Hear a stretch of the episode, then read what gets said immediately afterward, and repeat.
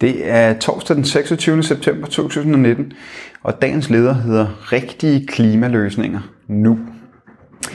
I morgen fredag opfordres alle voksne til at diskutere klimaet i deres frokostpause. Det kan der bestemt være alle mulige gode grunde til at gøre, ikke kun i frokostpausen. I denne uge kom endnu en rapport fra FN's klimapanel IPCC. Rapporten er den hidtil mest omfattende vurdering af klimaforandringernes effekt på verdenshave og isområder, og det er ikke opmuntrende læsning. Vandstanden globalt vil stige omkring en meter ved udgangen af dette århundrede, og det vil drive millioner af mennesker fra deres hjem i lavt liggende kystområder. Temperaturstigninger, ildtab, suring af havvandet og ikke mindst vandstandsstigninger udfordrer økosystemerne i kystområderne.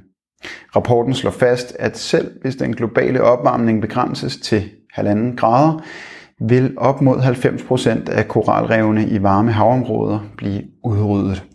Det siger sig selv, at så dramatiske ændringer kræver dramatiske tiltag for at imødegå udviklingen. Men den danske regering er på rette vej.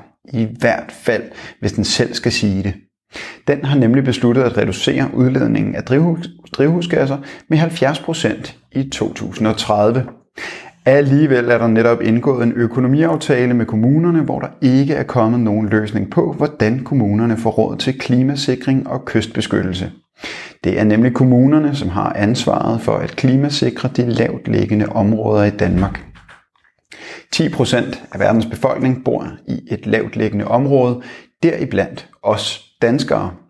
Og vi er allerede i dag ramt af et stigende antal oversvømmelser i forbindelse med stormflod og skybrud.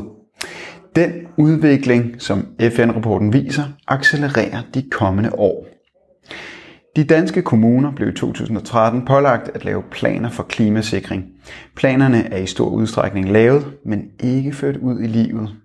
En vigtig årsag er, at kommunerne mangler finansiering blandt andet fordi de er underlagt det kommunale anlægsloft som følge af budgetloven.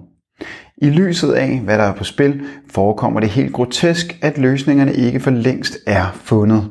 Den helt simple og kortsigtede løsning kunne være at friholde klimatilpasning fra budgetlovens snærende rammer. Klimaløsninger er konkrete, og snak gør det ikke. Der skal handling til nu. Du har lyttet til dagens leder fra Arbejderen. Abonner på vores podcast på iTunes eller hvor du ellers hører din podcast. Du kan også klikke ind på arbejderen.dk for meget mere journalistisk indhold. Du er også velkommen til at følge Arbejderen på Facebook, Instagram eller Twitter, samt tilmelde dig Arbejderens daglige opdatering på Messenger. Vil du i kontakt med Arbejderens redaktion, kan det ske ved at sende en mail til redaktion Tak fordi du lyttede med.